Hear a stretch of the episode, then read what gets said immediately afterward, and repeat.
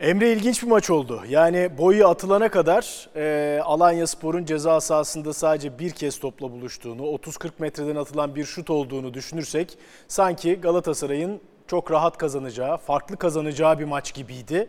Ama kırmızı kart gerçi hemen etkisi olmadı ama ikinci yarıda tek kaleye dönen bir oyun ve Alanya Spor 2-2'yi yakaladı. İki farklı maç izledik. Herhalde iki farklı değerlendirme yapmamız gerekecek. Birinci bölüm ve ikinci bölüm için. Ne dersin? E, tabii ki öyle. E, yani ilk 30 dakika başka bir hikaye ki o hikaye bence Galatasaray'ın bu sezonki En iyi hikayesiydi. açık ara bence en iyi futboluydu ya da en iyi yarım saatiydi öyle diyebiliriz. E, 2-0 kaçan goller, e, offside nedeniyle sayılmayan goller ki bence bir tanesi şanssızlık Mertens'in ilk golü. E, Icardi yere düştü o. Icardi yere düştü ve o topu ona çarptığı için offside oldu ve topun ona çarptığı, temas ettiği yer e, çizginin tam üstü Doğru. hatta tam biraz içi. Yani biraz daha farklı yerde olsa ya da biraz daha önde olsa belki Icardi top, Top içeri girecek. geçmiş olacaktı. evet. Ge- Geçmiş olacak. Yani şanssızlıkların olduğu ve yani yarım saatte skorun 3'e 4'e gidebileceği bir oyun. Çok tempolu bir oyun, çok baskılı bir oyun. Yani Galatasaray'ın sezon başından beri presle alakalı bazı problemlerini konuştuk. Pres konusunda zaman zaman gelişim gösterdiğini, göstermeye çalıştığını e, burada yineledik ama o pres oyununu o 30 dakikada yine açık ara oynayan bir takım ve rakibin Alanyaspor olması. Alanyaspor'un sadece bu sezon başından beri değil, geçtiğimiz sezon Farioli ile beraber gelen bazı problemlerinin yine sahaya tezahür ettiği yine bir yarım saat. Hele ikinci golde yani değil mi? Ceza sahasında paslaşırken, oyun kurmaya çalışırken 7 gol aldı. Tam anlamıyla bir Alanyaspor golü. Yani Alanyaspor'un yediği gol. Öyle artık öyle tarif ediyoruz. Yani Alanyaspor'un yediği gollerden tarif ediyoruz biraz onları. Ee, ve sonrasında bir hakem kararı, tartışılan bir hakem kararı ve ondan sonra evet senin söylediğin gibi aslında ikinci yarı ile beraber Evet çünkü o değişimin ortaya çıktığı bir maç. ilk yarının o son bölümünde 15 dakikalık bölümde ilave zamanla birlikte aslında bir şey değişmedi oyunda. Yani Galatasaray çok baskın olamadı ama gene daha çok pozisyona giren taraftı. Gene topa hakimiyetinde azalma olsa da kalesinde tehdit görmeyen taraftı. Evet. Ama ikinci yarıda her şey böyle siyahla beyaz gibi bambaşka bir hale büründü. Yani orada reaksiyon hatta bence Galatasaray iyi verdi. Yani 30-45 arasında da e, Alanyaspor'un bir üstünlüğünden bahsetmek mümkün değil. Evet. Taraftarın e, etkisi, oyuncular e, daha deriydi, tazeydi. Zaten 30 dakikalık o performansın verdiği bir moral motivasyon vardı. 30-45 arasında Galatasaray daha iyi oynadı. Ama özellikle ikinci yarıya başlarken Farioli'nin bazı hamleleri var. E, iki tane hamle yaptı. İki tane de a- 60'ı geçmeden yani toplam Evet. 4 değişikliği 57. dakikada bitirdi. çok kısa sürede bitirdi 4 yaptı. değişikliği. E, sonrasında Okan Buruk'un ona reaksiyonları, yani iki takımın oyun şak, e, şablonu, oyun şekli çok değişti saha içerisinde. E, bunlar da ikinci yarıdaki performansın tam tersine dönmesinde biraz etkili olduğu gibi ama tabii ana konu kırmızı kart ve Boyen'in oyundan çıkmasıydı. Evet. Yani bu maçın ayrıntılarına biraz gireriz ama tabii şimdi e, şöyle bir durum var. Galatasaray oyun olarak krizdeydi. Belki skor olarak, sonuç olarak çok krizde değildi ama işte son oynadığı Kayseri Spor maçında hem aldığı mağlubiyet hem de ortaya koyduğu çok olumsuz futbol. Yani ne üretebildi hem kalesinde çok pozisyon gördü. E, o yüzden ciddi bir krize girmişti. Şimdi aslında Alanya Spor maçı ilk yarım saat düşünsek bu krizi tamamen bertaraf etmenin veya en azından bir hafta daha e, huzurlu bir şekilde bir haftayı geçirmenin bir yoluydu Galatasaray için ama şimdi 2-2'lik bir sonuç var. Arda arda 3 maçtır galip gelemeyen bir Galatasaray var. Ve e, ezeli rakibi Fenerbahçe şu anda 23 puanda, Galatasaray 18 puanda. Evet 5 puan daha ligin 10. 11. haftasındayız çok problem değil ama e, daha derin bir kriz bekliyor mu sence Galatasaray'ı? Ee, bekleyebilir. Yani böyle bir şeyin olma ihtimali var çünkü gerçekten büyük bir şanssızlık. Yani şöyle büyük bir şanssızlık. O 30 dakika için Galatasaray'ın açık arası dedik. Evet. Şimdi ve bunu e, işlerin kötü gittiği bir mağlubiyetten sonra verilen bir reaksiyon olarak aslında 30 dakikada ortaya koydu Galatasaray. Bazı şeyleri yine değiştirdiğini gördük bugün e, Okan Buruk'un ilk 11'de. Yani Evet. çok büyük bir değişiklik değil ama Kerem'le beraber Raşitsa'yı oynattı e, mesela. Raşitsa ilk kez ilk 11 oynadı. Sergio Oliveira iki hafta aradan sonra e, ilk 11'e döndü. Kazımcan Ardar'da ikinci kez 11'deydi. Orada bir yerli sayısını tutturabilmek için. Geçtiğimiz hafta Yunus oynamıştı, Mertens solu kullanmıştı. Bu hafta e, Yunus'u kesti, Kerem'i e, sahaya attı Türkler içerisinde kenarda. E, diğer kenara Raşitsa'yı koydu ki bununla alakalı da benim bazı soru işaretlerim vardı. Çünkü Raşitsa yani Hollanda'da yaptığı çıkış, Vitesse ile yaptığı çıkıştan sonra e, hiç sağ kenarda oynamadı. Yani oynadı ama hiçbir zaman sağ kenar onun ana e, pozisyonu olmadı. Vitesse de ağırlıklı bir şekilde sağ kenardaydı. Sağ kanat performanslarıyla kendisini Bundesliga'ya attı Werder Bremen'e. Ama Werder Bremen'e transfer olduktan sonra Championship dahil, Norwich'le Premier Lig dahil olmak üzere bütün performansları ağırlıklı sol kenara gelen bir oyuncuydu. Şimdi iki tane sol kenar, Kerem de kendisini solda iyi hissediyor, Rashica da öyle. Onunla dair mesela benim soru işaretlerim vardı ama e, yani zaten Mertens solda hiç olmamıştı e, geçtiğimiz hafta. Yani Mertens, Yunus kenarları hiç olmamıştı. Kerem Rashica çok etkileyici bir başlangıç yaptı. Yani Rashica'nın özellikle sağ tarafta oyuna getirdiği tempo, sürekli kendisini çizgiye atıp yani ekstra bir santrformuş gibi, forvetmiş gibi sürekli o koşular atmaya çalışması, Icardi'yi ikilemesi, Kerem'in de benzer şekilde reaksiyonu vermesi yani hem Kerem hem Rashica kenarlara çok ciddi tempo ve dinamizm getirdiler. Geçtiğimiz haftaki yine ısrarla söylüyorum Mertens Yunus'tan sonra. Çünkü Mertens Yunus teknik kalitenin ön planda olduğu kenarlar. Burada tam olarak koşu ve tempo var ve o Evet. koşu temponun net bir şekilde sahaya yansıdığını gördük. Ee, şimdi böyle kötü işler kötüye giderken böyle bir 30 dakika e, biraz da geriye saralım şeyi e, takvimi. Birkaç gün öncesinde hafta arasında bir basın açıklaması geldi. Galatasaray yönetimi bir tepki gösterdi. Evet. Şimdi ona karşı gel- verilen bir reaksiyon var ve o reaksiyonun daha doğrusu Tribünler dolu. Tribünler Son dolu. Kayseri Spor maçı çok olumsuz bir sonuç ve oyun olmasına rağmen. Ve onun bozulma şekli, yani ona ket vuran ne oldu ilk 30 dakikaya? Bir hakem kararı. Şimdi orası başka bir konu ama hafta arası Galatasaray yönetimi bir açıklama yapıyor. Takım inanılmaz bir yarım saat oynuyor ve o yarım saati bitiren şey yine bir hakem kararı. Ve yine tartışmaya açık bir karar. Tartışılacak, çok tartışılacak. Ha, evet zaten Kesin. o tartışma hiç bitmez Türkiye. Ya bunların hepsi yükleni, eklenince ikinci yarıdaki kayıplar, e, oyun değişimi, oyun olarak geriye gitmesi Galatasaray'ın, yenen goller, kırmızı kartlar yani bunların hepsi kısa vadede de orta vadede de takımı mental ve moral yönünden etkileyebilecek durumlar. Ama bu olur mu? Bunu önümüzdeki haftalarda göreceğiz. Şimdi ikinci yarıdaki e, geriye gidişi Galatasaray'ın ve Alanyaspor'un öne çıkışı, iyi oyunu. Ben mesela Galatasaray iç sahada bir Gaziantep galibiyeti aldı. E, hatırlarsan orada da 45. dakikada Abdülkerim kırmızı kart görmüştü ve Galatasaray ikinci yarının tamamını 10 kişiyle oynadı. Ve Galatasaray o maçı kazandı. Yani 1-0 bitmişti devre, sonra 1-1 oldu. Sonra son dakikalarda attığı golle Galatasaray 2-1 kazanmıştı ama oyun çok daha farklı olmuştu. O maçın istatistiklerine baktım, ikinci yarı istatistiklerine. Topla oynama %49'a %51 Gaziantep. Ceza sahasında topla buluşma 16'ya 10. Yani Galatasaray 10 kişi oynadığı maçta 16 kez rakip ceza sahasında topla buluşuyor ve e, yarattığı gol beklentisi 1.46, Gaziantepspor'un 0.40. Yani görece üstün bir oyun oynadığını söyleyebiliriz 10 kişi kalmasına rağmen. Nereye getireceğim konuyu? Kesinlikle. Şuraya getireceğim. Şimdi bu maçın ikinci yarısı %77'ye %23 gibi bir toplu oynama oranıyla bitiyor. Ee, keza ceza sahasında topla buluşmalar öyle. Yani evet 11-10 oynamak, bir kişi eksik oynamak elbette ki daha zorlayıcı. Ama bu kadar mahkum olunmasını engelleyecek bir şey yok muydu? Bence biraz onu tartışmamız lazım.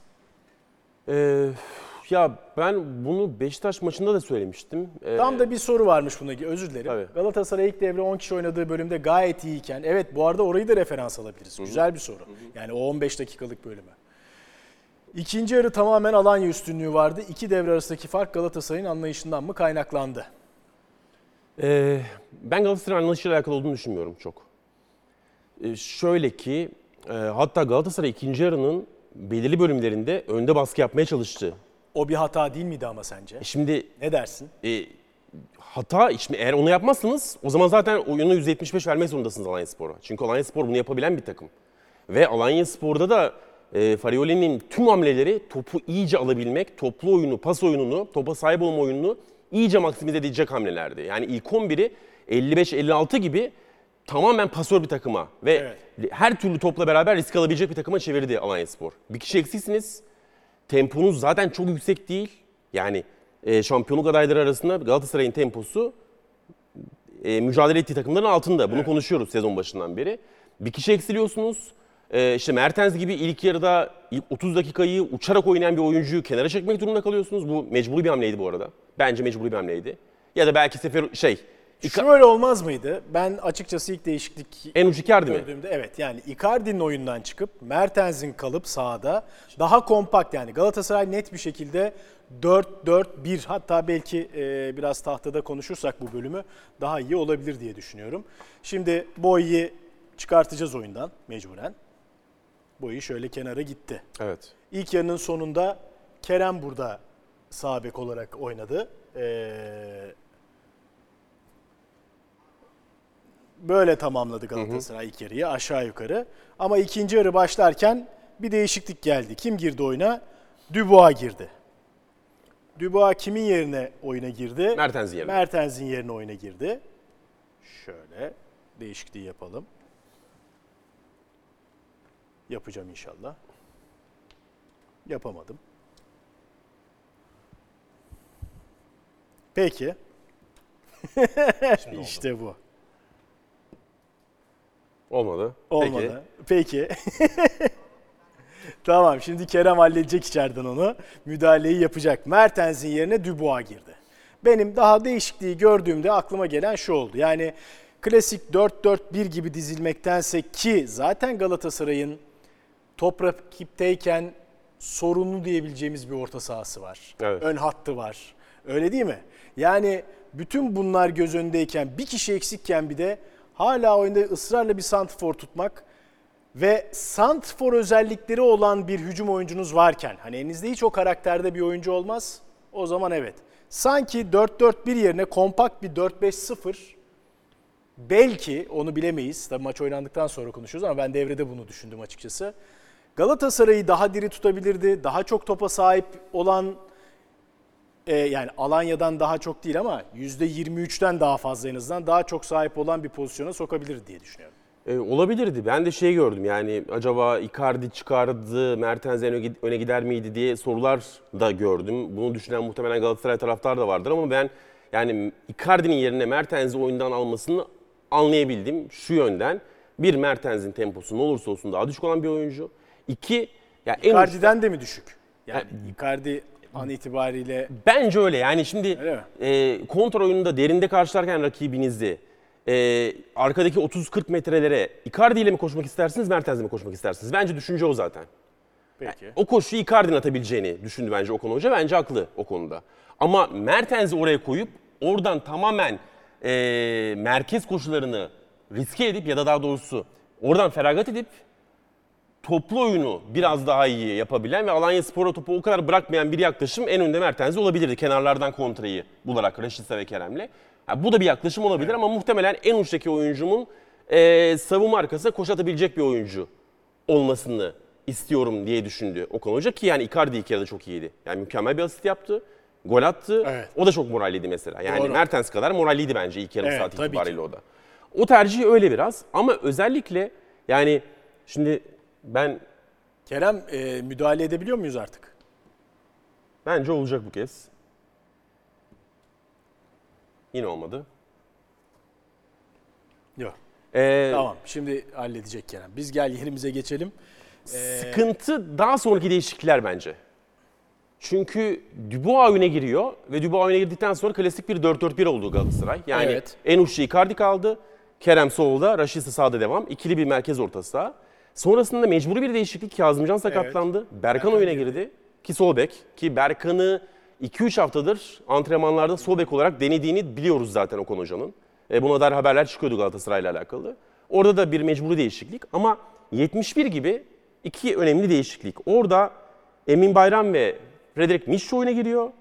Rashica ve Sergio Oliveira oyundan çıkıyor. Evet. Ee, ben bu değişikliği görünce daha doğrusu Emin Bayram'ı kenarda görünce direkt bir şekilde Emin Bayram'ın üçüncü stoper olarak oyuna girdiğini düşündüm. Ben de öyle tahmin etmiştim ama öyle olmadı. Öyle olmadı. İkinci stoper yaptı Emin Bayram'ı Nelson'un yanında. Sol stopere koydu hoca.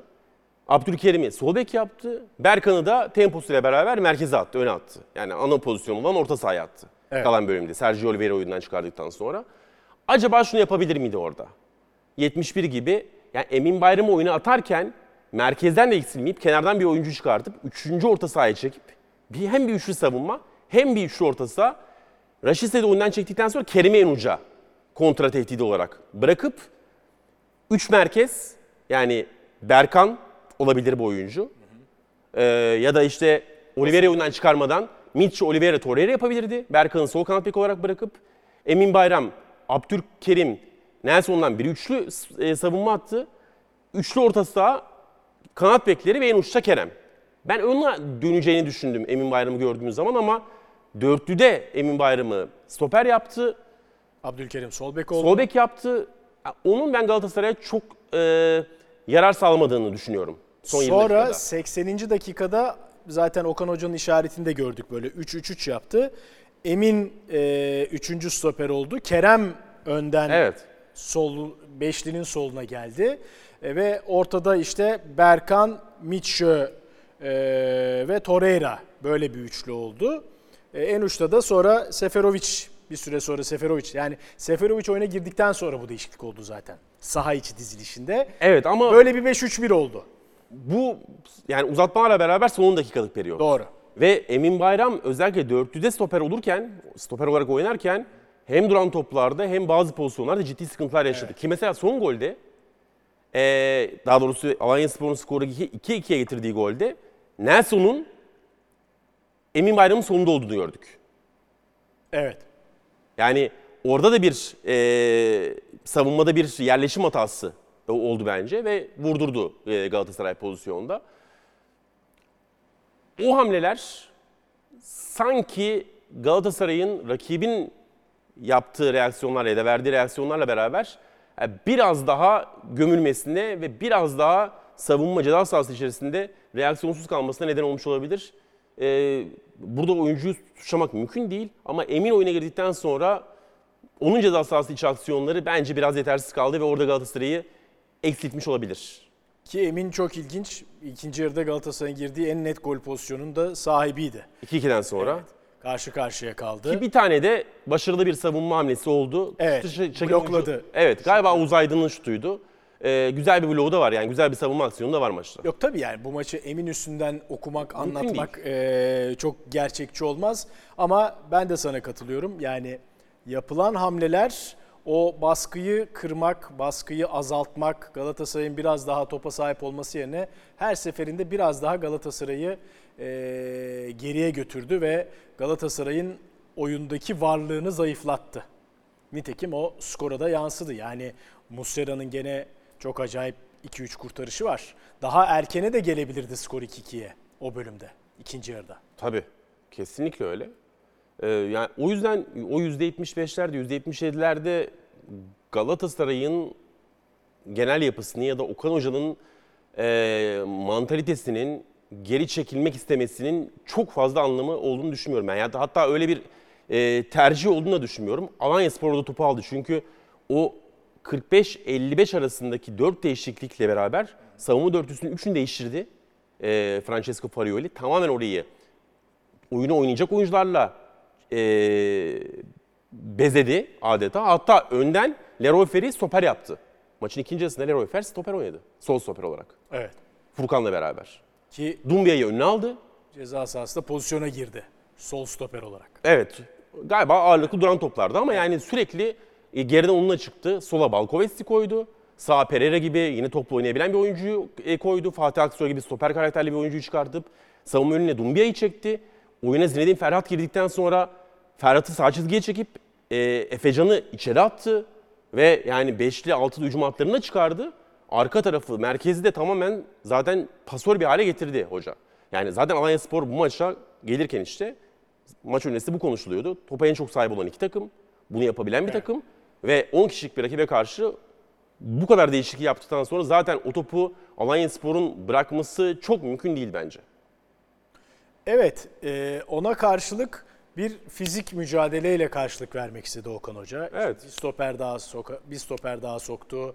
Mitchö hani görece diğer orta saha oyuncularına göre Galatasaray'ın fizik kalitesi daha yüksek olan bir oyuncu. Berkan'ız ön- önce Berkan- sahaya attı sonra merkeze attı. Aynen öyle. Ama bunların hiçbiri çare olmadı. Çünkü bence Galatasaray takımını tarif ederken şunlarla tarif etmiyoruz değil mi? Fizik kalite, tempo, ikili mücadele. Neyle tarif ediyoruz? Kaliteyle. Evet. Henüz o kalitenin yani ilk yarım saati, bu maçın ilk yarım saatini ve işte Adana Demirspor maçındaki o bir bir 15-20 dakikalık bölüm var bence. Onları birkaç bölümü dışarıya ayırırsak henüz o kaliteyi tam görmemiş olsak bile elindeki en kuvvetli şeyden vazgeçerek maçı lehine tamamlama şansını biraz yitirdi bence. Ee, Okan Hoca. Çünkü Galatasaray'ın zaten ende bu fizik kaliteyi yükseltip tempoyu yükseltip kazanabileceği bir oyun da yok. Böyle bir alışkanlığı da yok. Bu takımın öyle bir özelliği de yok.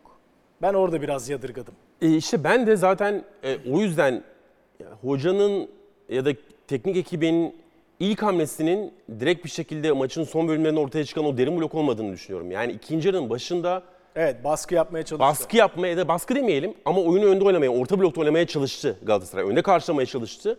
Fakat her defasında e, o ilk baskı hattı geçildiği anda 4'e 4, 5'e 4, 5'e 5'ler çıktı. Alanya Spor'un e, çok hızlı bir şekilde yani oyunu kurup o öndeki beşli hattı geçip arkadaki dörtlüye e, üzerine 4-5 oyuncuyla geldiği 3-4 tane sekans oldu. Onlardan sonra yavaş yavaş takım böyle kademe kademe geriye çekildi. Hatta maçın böyle 45, 50, 55 civarında Mauro Icardi'nin defalarca arkadaki takım arkadaşlarını öne doğru çağırdığını gördük.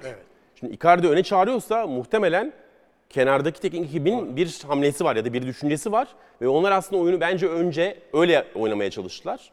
Ama tabii eğer önde oynamaya çalışıyorsanız, önde karşılayıp topu kazanıp zaman zaman pasla savunma yapmaya çalışıyorsanız o zaman Mertens neden oyundan çıktı? Icardi kaldı ya da Mertens neden oyundan çıktı? Başka bir hamle olmadı. Sorusu da tabii ki sorulabilir.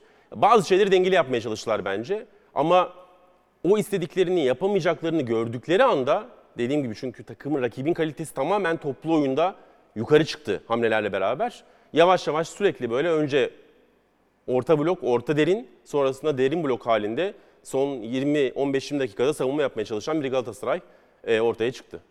Aslında tabii yani beşliğe dönmesini şöyle anlayabiliriz bence. Çünkü özellikle stoper ve bek arasına atılan paslarda e, çizgiye indi Alanya Spor defalarca. E, beşli olunca böylece o boşluklar azalacağı için bu pasların atılamayacağı veya atılma ihtimalinin azalacağını düşündü Galatasaray teknik heyeti Okan Buruk ama çok da bir şey fark etmedi. Yani gene o çizgiye, çizgide topla özellikle Galatasaray'ın sol kanadında. Yani Galatasaray'ın sol kanadını Alanya Spor çok rahat ve net bir şekilde kullandı. Ee, kesinlikle öyle. Senin söylediğini şöyle destekleyeceğim. Berkan oyuna girdi. Sol bek olarak Yazımcan'ın yerine. Bir ya da bir buçuk maksimum iki dakika içerisinde çok mesafe bıraktı ee, Abdülkerim'le. Ve o mesafeyi bıraktı. Yani orada bir böyle 15 metrelik bir mesafe oldu. Oraya Lusamba koşu attı diye hatırlıyorum. O oyuncumuz Lusamba'ydı. Ve oradan bir pozisyon burada. Evet. Bir pozisyon buldu Alanya Spor. Zaten işte mesela bence hoca da onu gördü. Yani hem Emin Bayram'ı sahaya atıp önce Abdülkerim'i sol bek yapmasında da sonrasında son 10 dakikada uzatmalarla beraber son 10 dakikada o iyice şekil değişikliğiyle beraber yani artık 5-4-1 şeklinde ya da, da düzeltiyorum 5-4-0 şeklinde rakibi karşılayan o derin bloğun ortasında, ortaya çıkmasında da mesela o pozisyonu ben çok kritik rol oynadığını düşünüyorum. O da biraz Berkan'daydı hata bence. Berkan'ın yaklaşıp e, stoperiyle alanı, ara- arasındaki mesafeyi daraltması ve oraya bir oyuncunun girmesine izin vermemesi gerekiyordu. Ama o pozisyonu verdi Galatasaray ve ondan sonra muhtemelen hoca da e, hamlelerini biraz daha arka attı, genişletmek ve oradaki sayıyı nicelik olarak artırmak Artırmak. üzerine yaptı. Okan Buruk'un açıklamaları hemen maçtan sonra yayıncı kuruluşa Bein Sports'a yaptığı açıklamalar. Güzel giden bir oyundu. Türkiye'deki hakemlerin ana rolü güzel giden şeyleri bozmak. Bu hafta böyle bir savaşın olacağını biliyorduk. Bu savaşta 2 puanımızı kaybettik. Ali Palabıyık'a rağmen gol pozisyonları bulduk. 10 kişiyken de bulduk ama bunları değerlendiremedik. Oyuncularıma olan tek kızgınlığım son dakikadaki korner atışında ceza sahası içine çok gittik. Galatasaray'a karşı bir savaş var. Kimse merak etmesin, biz bu savaşın içinde varız. Bu iş sadece burada kalacak iş değil. Galatasaray'a yapılan burada kalmaz. Galatasaray taraftarı da gerekeni yapar. Evet, eee tabii özellikle Sasha Boy'un atılmasıyla ilgili en son Abdülkerim'in 90 artı 4'tü galiba değil mi? Yani maç bit- bitmesine kısa bir süre kala gördüğü kırmızı kart var. Ve aslında Galatasaray yani Kayseri Spor maçından sonra da hafta içinde e, Erden Timur'un basın toplantısıyla da e, oradan Fenerbahçe'den cevap geldi. Fenerbahçe'den bir daha Galatasaray'a cevap gitti. Şimdi bu maçta yaşananlar üzerine e, Okan Buruk da basın toplantısının neredeyse tamam. En azından basın toplantısı değil bu tabii. Maçtan sonraki flash interview'un e, ilk demecinin neredeyse tamamını hakeme ayırmış durumda. Ee, ya buradan galiba şunu anlıyoruz. Bence 2022-2023 sezonunun balayı bitti. İlk Balayı. yani ilk olarak da balayıydı yani. Pek gerginlik yoktu. Takımlar kazanıyorlar, Niye- kaybediyorlar. Puan Niye canım. Beşiktaş şeye gitmedi mi? Ee, hangi maçtan sonraydı hatırlamıyorum. İlk feveranı yapan hani şampiyonluk adayları içinde Evet, hemen evet. Beşiktaş Ya bir ama- başlarda yaptı. Veren her zaman oluyor ama yani işlerin Bu başka bir nokta işlerin diyorsun. büyümesi galiba hafta içi işte o Galatasaray yönetiminin yaptığı açıklama. Ee, ben o açıklamayı biraz garip bulduğumu söyleyebilirim ama bugün yani muhtemelen Saşa Boya ile alakalı da bir şeyler söylemek gerekiyor. Yani ben- biz hakim konuşmuyoruz burada. Evet. Ben özellikle hiç konuşmuyorum. Bunun nedenlerinden biri de şu. Her zaman söylüyorum. Öyle bir etkinliğim yok. Ee, çok da o konuda bir yetkinliğim olsun istemiyorum. Çünkü onu bilenler var. Bilenleri bırakmak gerektiğini düşünüyorum ben. Tabii ki hepimizin bir pozisyon faul mü, değil mi, Tabii ki. penaltı mı, değil mi, kırmızı kart olması gereken bir faul mü, değil mi? Bunlara dair elbette hepimizin bir fikri var ve buna dair fikirlerimizi söylüyoruz. Ama özellikle bugünkü pozisyon bence zaten özellikle yetkinlik gerektiren bir pozisyon. Çünkü ikircikli bir pozisyon. Evet. Çok. Ee, Saşa Boya'nın kırmızı kartı görmesinin nedeni yaptığı faul. O faul ne kadar şiddetli, ee, kaleye ne kadar uzak.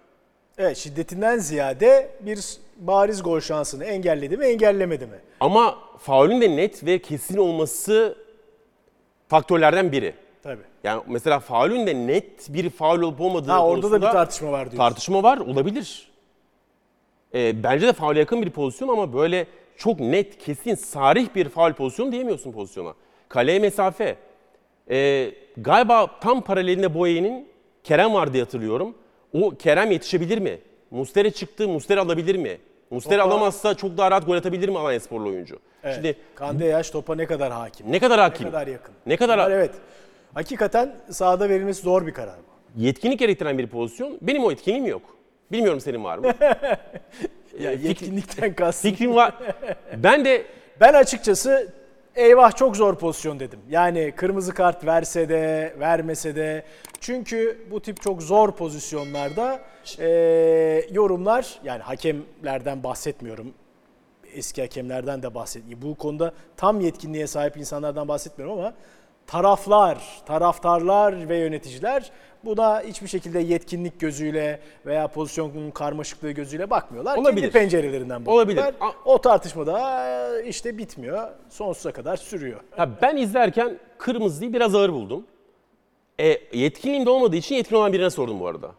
Ya sordum çünkü merak ettim. Murat Fevzi Tanırlı çok e, değerli arkadaşım. Bence hakemlik konusunda da gerek yazdığı yazılarla gerek e, programlarla çok güzel işler yapan bir arkadaşım. O da bütün e, faktörleri bir arada alınca pozisyonun kendisi açısından da çok ağır olduğunu ve sarı kartta bence geçirilecek bir pozisyon olduğunu düşünüyorum dedi bana. Benim görüşüme de uydu. Ama şunu da söyleyebilirim, söyleyelim. Neden VAR çağırmadı? Protokol izin vermiyor. Evet. Bu VAR'ın çağrılacağı bir durum değil. Aynen. Yani orada o cümleyi tekrar etti Murat Ilgaz e, hafta içi yapılan şeyde e, ne diyelim medya bilgilendirme toplantısında %100 doğruluğu aramıyor var. %100 hatayı bertaraf etmeye çalışıyor. Evet. Burada da üzerinde işte topa kim daha yakın, Çok fazla faktör yakın, var. bu mu yakın, işte bariz gol şansı mı değil mi gibi bir pozisyonda da varın sen %100 hata yaptın deme şansı eee, ve gel bir daha izle deme şansı Şimdi protokole göre benim bildiğim kadarıyla yok. topa hakimiyet tartışmaya açık. Muslera'nın e, pozisyonu tartışmaya açık. Aynen E, diğer oyuncunun Kerem'in diye hatırlıyorum. Başka bir oyuncuysa Kerem'di. izleyicilerimiz affetsin. Yetişip ihtimali. yetişemeyeceği tartışmaya açık. Evet. E, mesafe tartışmaya açık. Aynen. Şimdi tartışmaya bu kadar açık şey varken protokolü gereği var çağıramıyor. Ama muhtemelen çağırabilse çağırırdı diye tahmin ediyorum ben de. Şimdi sonuç itibariyle ama tabii çok büyük bir sonucu var bu maçta ya da çok büyük bir etkisi var. Çünkü İlk 30 dakika sezonun en iyi performansını çıkaran ve galibiyete çok ihtiyacı olan bir takım sonrasında hem perform moral olarak, motivasyon olarak geriye gidiyor, skor olarak geriye gidiyor, puan kaybediyor, kayıplar veriyor ve hafta içiyle beraber kısa vadede başka sonuçların olması ihtimali var tabii ki. Evet ben hep bu e, hakem tartışmalarına yaklaşımım şu olmuştur. Zaten genel olarak bütün kulüplerin, şampiyonluk adaylarının aslında bir sonraki karar üzerinde hakemlerin üzerinde baskı yaratmaya çalıştığı noktasından yola çıktıklarını her zaman düşünmüşümdür. Ve bunun zaman zaman da sonuçlarını aldılar bugüne kadar. Yıllardır yani ben 44 yaşındayım. Emre sen kaç yaşındasın? 40. 40. Tamam yakınız birbirimize. Yani 80'li yıllardan bu yana bu futbolu izliyoruz. Evet. Ee, ondan sonra ha, burada haksızlık vardır yoktur bunlar çok derin tartışmalar.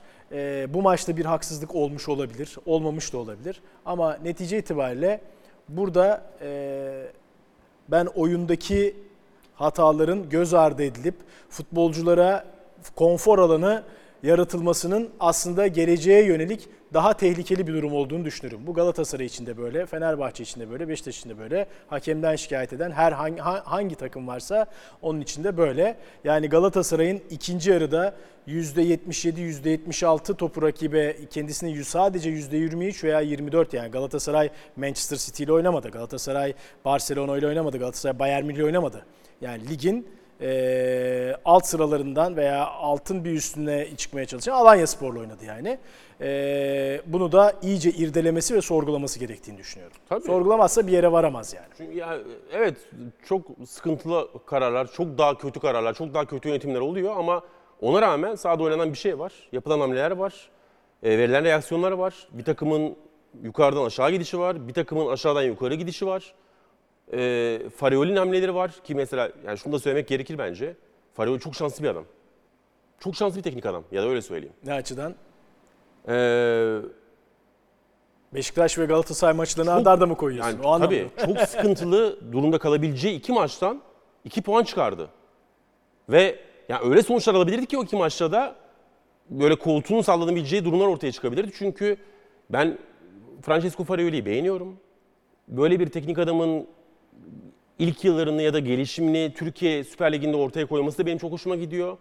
Ama görebildiğim kadarıyla e, hatalarından ders almayan demeyeyim, yenilgilerinden pek öğrenmeyen bir teknik adam. Evet, orası kesin. Ya orası kesin olamaz çünkü bu kadar. Yani bu maçın ilk yarım saati olamaz, kabul edilemez. Neden kabul edilemez? Her takım böyle bir yarım saat oynayabilir ama bu 5. 6. Yani geçen sezon Trabzon'dan 4 yediği maç. Evet. Geçen sezon İsmail Kartal'ın Fenerbahçe'sinden 5 yedikleri maç, 5-2 kaybettikleri maç. Fenerbahçe'nin açık ara en iyi performansıydı. Bu sezon 3-0 yarım saatte Beşiktaş. Beşiktaş Kendi evinde hem de Alanya Spor. 36-37 kırmızı kart Emrecan Uzunhan. Ondan sonra 3'e geliyor maç. Ama o maç 4'e 5'e 6'ya gidebilir. Tabii. Bu maç da öyle. Bu maç da öyle. Fenerbahçe, Fenerbahçe. maçı 5-0. Evet. Bu maç O maç da 7-8 olur yani. Hani 7-8 olur. gidebilir. Bu maçta en az 5 olur görüntü o ilk yarım Tabii saatte. öyleydi. Ya zaten Çok 30, netti. 30 dakika 4-0'dı zaten yani aslında pozisyonlar itibariyle. Hatta yani o son 15'i yani boysiz 15 dakika izledikten sonra ben Galatasaray evet biraz zorlanacaktır ikinci yarı ama bu maçı galibiyetle tamamlayacaktır gibi bir kanaate ulaştım. Çünkü o 15 dakikada da bir şey göstermedi Alanya. Göstermedi. Ben yine geçtiğimiz sezonu döneyim. 5-2'lik maçı refer ettik ya az önce. 8 olur o maç. Tabii. Hatırlıyorum. Fenerbahçe'nin son yıllardaki en yüksek gol beklentisi 4.30 4.40 civarı bir gol beklentisi vardı. Yani 6 7 8 atabilecek bir performans pozisyon zenginliğini yakalamış Fenerbahçe o maçta. Yani 5-6 tane maç saydık. Hepsi 6 7 5 falan bunlardan bahsediyoruz. Bazıları 5 olmuş. Bazıları 5'e gidebilecekken bunlara dönmüş. Ben çok şanslı olduğunu düşünüyorum o yönden ve görüyorum ki yani hep şunu söyledim.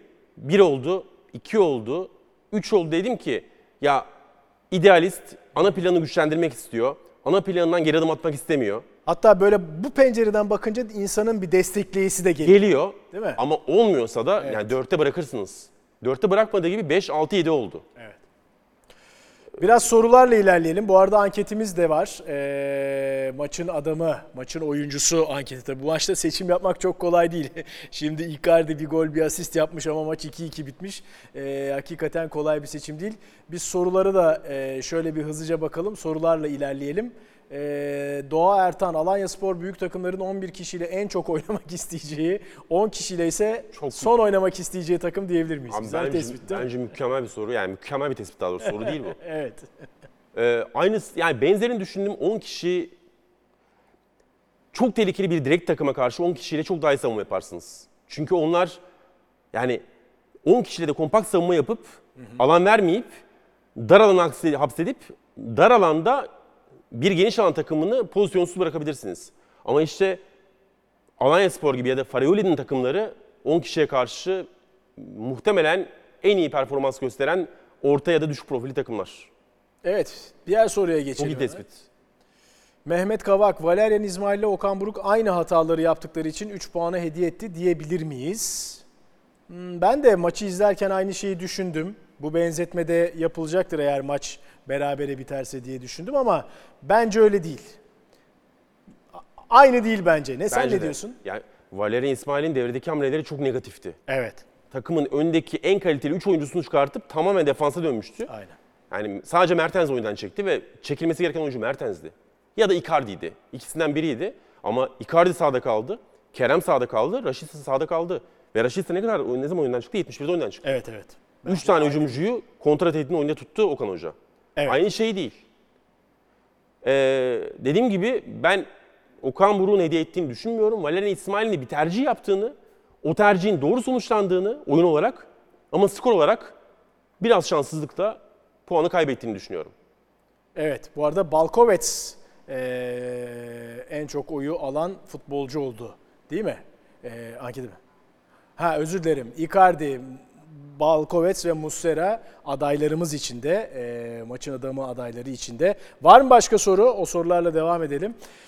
Can Gökmen, Okan Buruk'un Icardi Seferovic değişikliğini maçın ikinci kopma anı olarak değerlendirir misiniz? Maçın ikinci kopma anı. Ne diyorsun? Hiç alakası olduğunu düşünmüyorum. Ben de düşünmedim.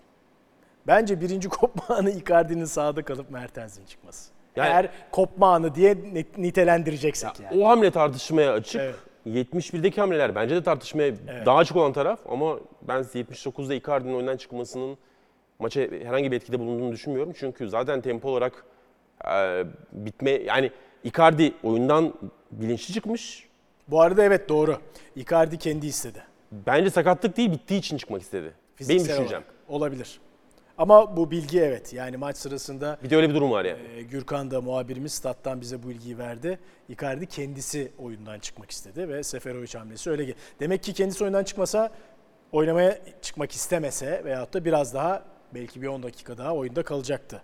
Ki zaten 79'da oldu değişiklik. Maçı tamamlayacaktı. Yani demek ki Okan Hoca orada Icardi'yi asla ve asla oradan Icardi'den vazgeçmek istemedi. Ya buradan bu sonucu da çıkarabiliriz. Evet yani olabildiğince en uçta arkaya koş atabilecek e, bir oyuncu isteği olarak gördüm ki Icardi topu verdiğiniz zaman da tutabilen bir oyuncu. Yani evet mükemmel bir bağlantı oyuncusu değil ama bunu söylemiştik ilk geldiğinde. Enteresan bağlantılar kurabilen bir oyuncu. İlk goldeki asist mükemmel bir asist. Ayağının dışıyla.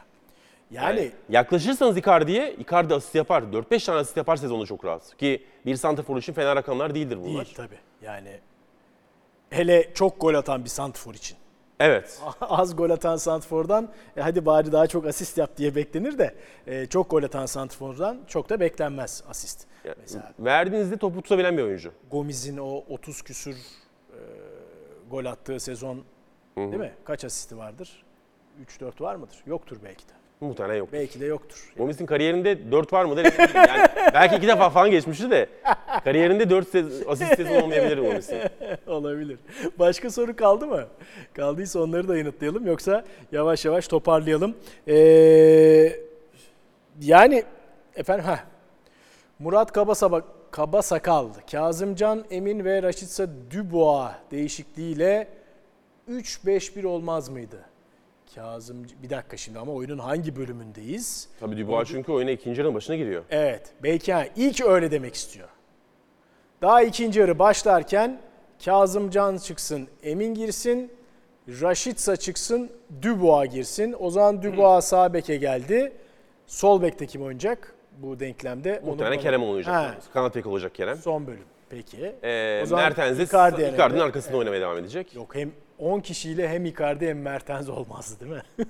Tek cevabım buydu benim o de. olmazdı. Yani sen geçen hafta Kayseri Spor maçından sonra 11 kişide Icardi, Mertens, Mata olmaz demiştin ki ben de izlerken evet Emre sana katılıyorum demiştim. 10 kişiyle hem Icardi hem Mertens yani işte evet yani hep Galatasaray kadrosunun e, zor idare edilebilir bir takım yapısal problemleri. Evet çok kaliteli ayakları var ama bu kaliteli ayaklardan bir takım oluşturmanın çok güç bir denklemle belki de olamayacağını hep konuşuyoruz.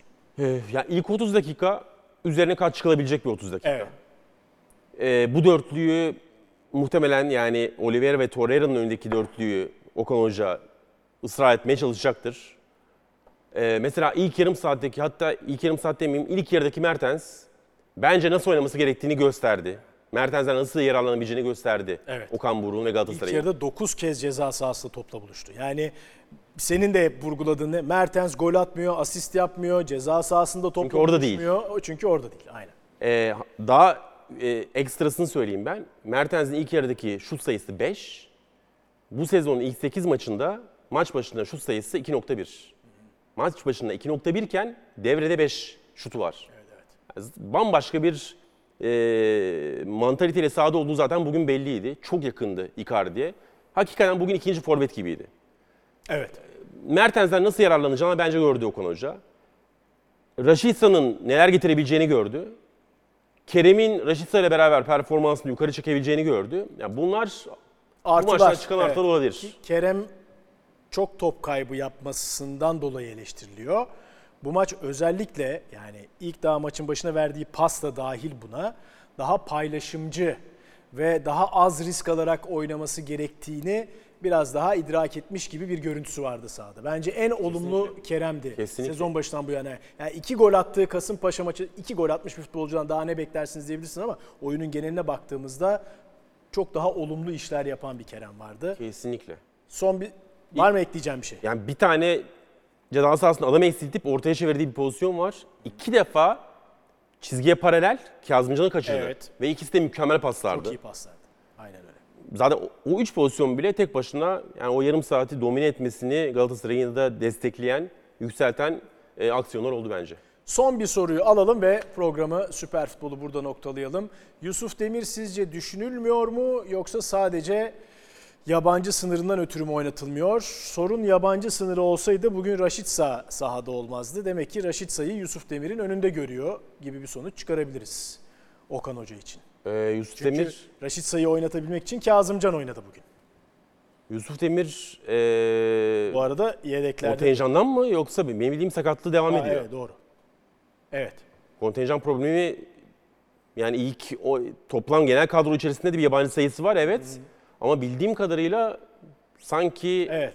sakatlığıyla alakalı oynamıyor. Ben tabii biraz kafa biraz Kastamonu maçına, Raşitsa'nın oradaki performansı Evet, evet. falan. Ama oradaki performans tabii onu 11'e attı biraz da. E, tabii, tabii kesinlikle. Onu da unutmamak lazım. Emre ağzına sağlık, teşekkürler. Ben teşekkür ederim. Ee, Süper Futbol'dan bu gecelik ee, bu kadar. Yine maçlardan sonra canlı yayınlarla karşınızda olmaya devam edeceğiz. Hoşçakalın.